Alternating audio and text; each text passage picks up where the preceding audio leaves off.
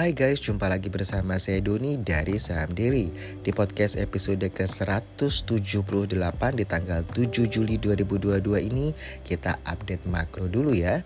Tekanan terhadap nilai tukar rupiah masih berlanjut di mana rupiah sempat mencapai 15.039 per dolar Amerika Serikat. Kemarin kurs spot rupiah tutup di level 14.999 per dolar Amerika Serikat Pelemahan rupiah berimbas ke pasar saham yang juga mengalami koreksi hingga sempat menyentuh ke level 6.600-an. Jika rupiah melanjutkan pelemahannya, tentu saja harga bahan baku impor juga ikut naik. Investor asing juga terus melakukan aksi jual baik di obligasi maupun di saham, di mana investor asing kurang menyukai keputusan Bank Indonesia untuk mempertahankan suku bunga di tengah inflasi tinggi. Kemungkinan BI akan menaikkan suku bunga semakin besar di tengah kenaikan inflasi dan juga pelemahan nilai tukar rupiah. Adanya potensi kenaikan suku bunga ini bisa menjadi sentimen negatif bagi emiten-emiten di sektor properti untuk jangka pendek. Namun akan menarik bagi saham-saham properti untuk jangka jangka panjang mengingat beberapa PBV dan PER beberapa emiten properti itu berada di PBV di bawah 1 dan PER-nya di bawah 10. Misal saja PBV dari BSDE, CTRA, dan PER dari CTRA. Selain sektor properti, sektor teknologi juga akan makin terpuruk bila suku bunga makin tinggi. Mengacu kenaikan suku bunga menjadi sentimen negatif utama penggerak saham teknologi di pasar global dikarenakan emiten teknologi umumnya memiliki rasio utang tinggi sebagai efek strategi bakar uang sehingga kenaikan suku bunga berpotensi menaikkan beban bunga. Jadi nggak heran ya kalau kita lihat emiten-emiten teknologi yang ada di Indonesia juga mengalami koreksi ya. Terkait pelemahan rupiah, emiten yang pengadaan bahan bakunya masih mengandalkan impor terutama sektor farmasi ya di mana sektor farmasi ini masih bertumbuh pada impor sehingga ini akan menjadi efek negatif untuk sektor farmasi.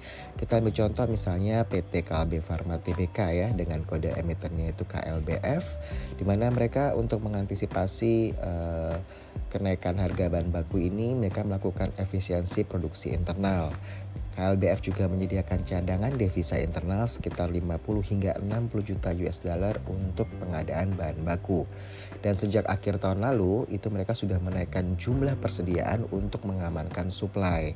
Hal yang sama juga diantisipasi oleh PT Paros TBK dengan kode emitennya PEHA yang banyak melakukan impor bahan baku dari negara-negara Eropa, Cina, dan India.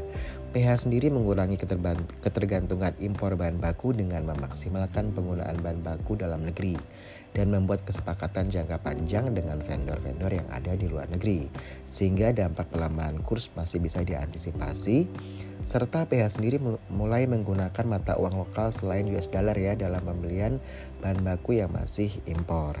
Tidak hanya dari sektor farmasi, pelemahan rupiah juga menjadi sentimen negatif untuk industri pupuk. Misalnya PT Saraswanti Anugerah Makmur Tbk dengan kode emitennya yaitu SAMF, di mana SAMF ini bergerak di, di bidang pupuk premium non subsidi. SAMF ini menyikapi pelemahan nilai tukar rupiah dengan melakukan hedging atau lindung nilai pada setiap pengadaan bahan baku impor yang diimpor dari Uzbekistan, Mesir, Laos, dan Yordania kita lihat di uh, memasuki Q3 2022 ini memang tren bearish harga komoditas energi masih akan berlanjut ya di mana kekhawatiran resesi ekonomi global dan melonjaknya kasus Covid di Cina menjadi katalis yang menekan permintaan dari komoditas energi itu sendiri. Hanya batu bara yang akan bertahan tinggi karena adanya permintaan dari Uni Eropa terhadap batu bara. Hal ini karena Rusia mengurangi pasokan gas ke Eropa sehingga Eropa mau nggak mau ya ini mereka beralih ke batu bara. Dari sektor batu bara kita ulas sedikit mengenai PT Bukit Asam Tbk yaitu uh, kode emitennya PTBA ya. Di Q1 2022 PTBA ini membukukan kenaikan laba bersih sebesar 355% secara year on year menjadi 2,28 triliun. Kenaikan laba ini didukung dengan kenaikan harga jual rata-rata dan volume produksi.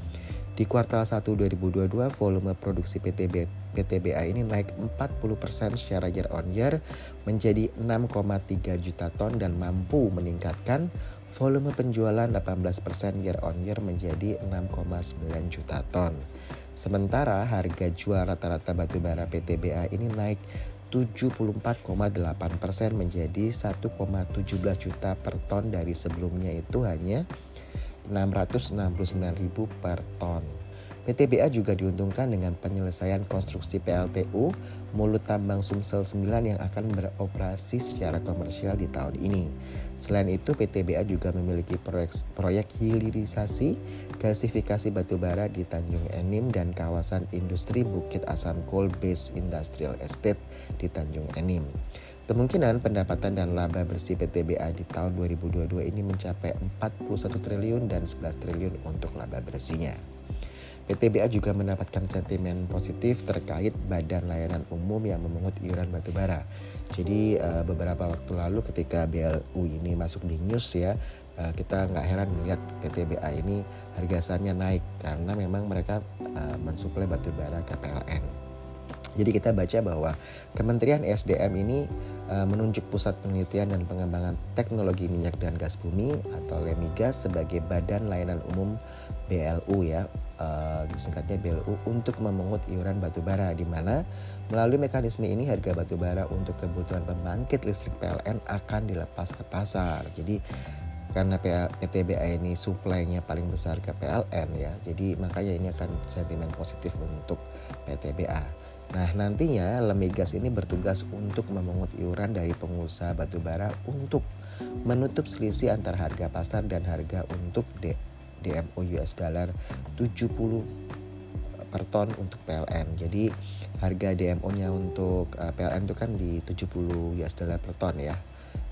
Jadi nanti akan ditutup oleh BLU ini di mana PLN bayarnya tetap US, uh, 70 US dollar per ton nantinya selisih harga batu bara uh, 70 US dollar per ton ini dengan harga batu bara acuan yang dijadikan rasio tarif nanti akan ada perhitungannya.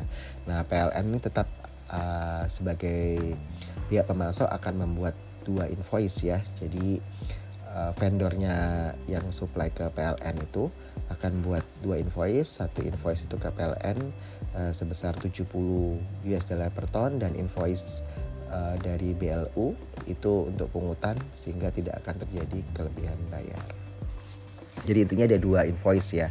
Untuk yang PLN itu tetap uh, 70 US dollar per ton, sedangkan yang invoice BLU itu ad akan ada lagi itu uh, dari iuran batubara ya uh, pungutannya seperti itu dari PTBA kita ke ITMG ya, di mana PT Indo Tambang Raya Mega Tbk dengan kode emiten ITMG ini mencetak pendapatan sebesar 640 juta US dollar di kuartal 1 2022 artinya naik 125% dibandingkan periode yang sama tahun sebelumnya yaitu 284 juta US dollar. Laba bersihnya dari ITMG ini naik 407% secara year on year menjadi 213 juta US dollar pada periode yang sama tahun sebelumnya yaitu sebesar 42 juta US dollar. Kendati laba meningkat signifikan, volume produksi ITMG ini cenderung flat ya dikarenakan berhentinya aktivitas penambangan di Embalut yang berkontribusi 5% terhadap keseluruhan produksi. Jika di tahun 2021 tambang Embalut ini menghasilkan 1,4 juta ton, maka di tahun 2022 ini dia hanya memproduksi 200 ribu ton dan berhenti beroperasi di kuartal 2 2022. Nah, produksi dari Embalut ini akan digantikan oleh tambang Geraha Pancakarsa dengan potensi produksi 200 ribu hingga 1 juta ton. Namun kan harga batu bara masih tinggi, maka margin ITMG ini masih akan cukup kuat hingga akhir tahun nanti. Hal ini ditunjang karena kelangkaan pasokan gas alam di Eropa akibat perang dari Rusia Ukraina sehingga beberapa negara di Eropa mulai menggunakan lagi batu bara sebagai sumber pembangkit listrik ya misalkan kayak Polandia, uh, Belanda, uh, Italia dan Jerman. ITMG sendiri memproduksi batu bara dengan kandungan kalori yang lebih tinggi dibandingkan emiten-emiten batu bara lainnya dan sebagian besar penjualan ITMG itu diekspor. Hingga kuartal 1 2022 penjualan batu bara ITMG itu mayoritas ke Cina ya dengan porsi 31%, ke domestik itu 21%, ke Jepang 15% dan Bangladesh 10%. Permintaan batu bara berkalori tinggi ini sangat besar dari Jepang dan Eropa. Dengan adanya embargo batu bara Rusia hingga Agustus 2022, maka pasokan batu bara berkalori tinggi ini sulit didapatkan dan sebagai produsen batu bara berkalori tinggi tentu saja ITMG diuntungkan karena harga jualnya jadi lebih tinggi.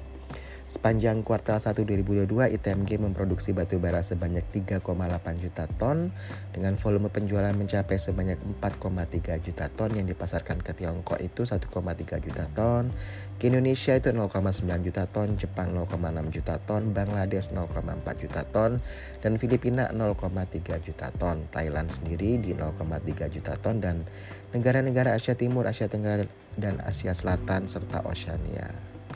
Di tahun 2022 ini ITMG menargetkan volume produksi batu bara yang mencapai 17,5 hingga 18,8 juta ton dengan volume penjualan sebesar 20,5 hingga 21,5 juta ton.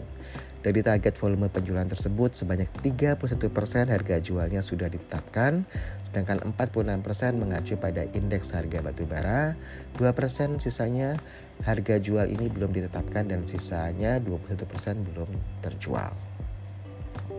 Kita lihat dari segi kas, ITMG ini sangat solid di kuartal 1 2022. Posisi kas itu sebanyak 843 juta US dollar dibandingkan porsi akhir di akhir 2021 ya itu hanya sebesar 639 juta US dollar. Jadi dari 639 juta di posisi akhir 2021 saat ini di kuartal 1 2022 itu posisi kasnya sebanyak 843 juta US dollar. ITMG sendiri juga menjajaki peralihan ke sumber energi baru terbarukan ke sektor tambang mineral dan logam serta bisnis panel surya. ITMG membangun telah membangun pembangkit listrik tenaga surya atau PLTS ya di Pelabuhan Bontang dan membangun PLTS di Melakutai Barat, Kalimantan Timur. ITMG ini memiliki anak usaha yaitu PT Cahaya Power Indonesia, kita singkat CPI ya, yang bergerak di bidang bisnis atap surya. Di Q1 2022, CPI telah menandatangani perjanjian pembelian tenaga listrik atap surya dengan total kapasitas 5,9 MW power. Di tahun 2022 ini, ITMG menyediakan capex sebesar 68,8 juta US dollar untuk perbaikan dan perawatan peralatan serta pengembangan infrastruktur dan menambah armada alat berat di tambang PT Tambang Raya Usaha Tama di Melak. Untuk hot news sendiri kita ada saham NICL yaitu PT Pamineral Tbk kode emitennya NICL di mana NICL ini berencana menaikkan target penjualan hingga 1,5 juta ton biji nikel naik dari target 2021 yang sebesar hanya 1,3 juta ton. Target 1,5 juta ton ini rencananya terdiri dari 900 ribu ton biji nikel kadar tinggi dan 600 ribu ton biji nikel kadar rendah. NICL juga menyediakan kuota tambahan produksi sebanyak 300 300 ribu ton.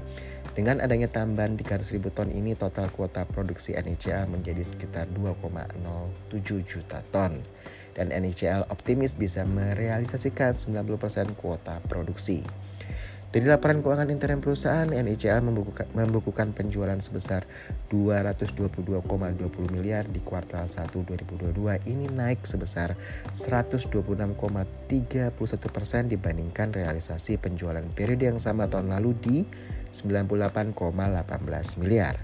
Laba bersih yang dapat diatribusikan ke entitas induk di kuartal 1 2022 sebesar 24,66 miliar yang artinya naik 209,30% dibandingkan realisasi Q1 2021 sebesar 7,97 miliar. Dari bursa Amerika sendiri kita update ya untuk Dow Jones Index itu minus 0, uh, sorry untuk yang terbaru bukan minus ya harusnya kita lihat dulu uh, data yang terbaru sebentar ya kita cek Oke, ini untuk kita buka dulu ya terbaru. Indeks. Oke.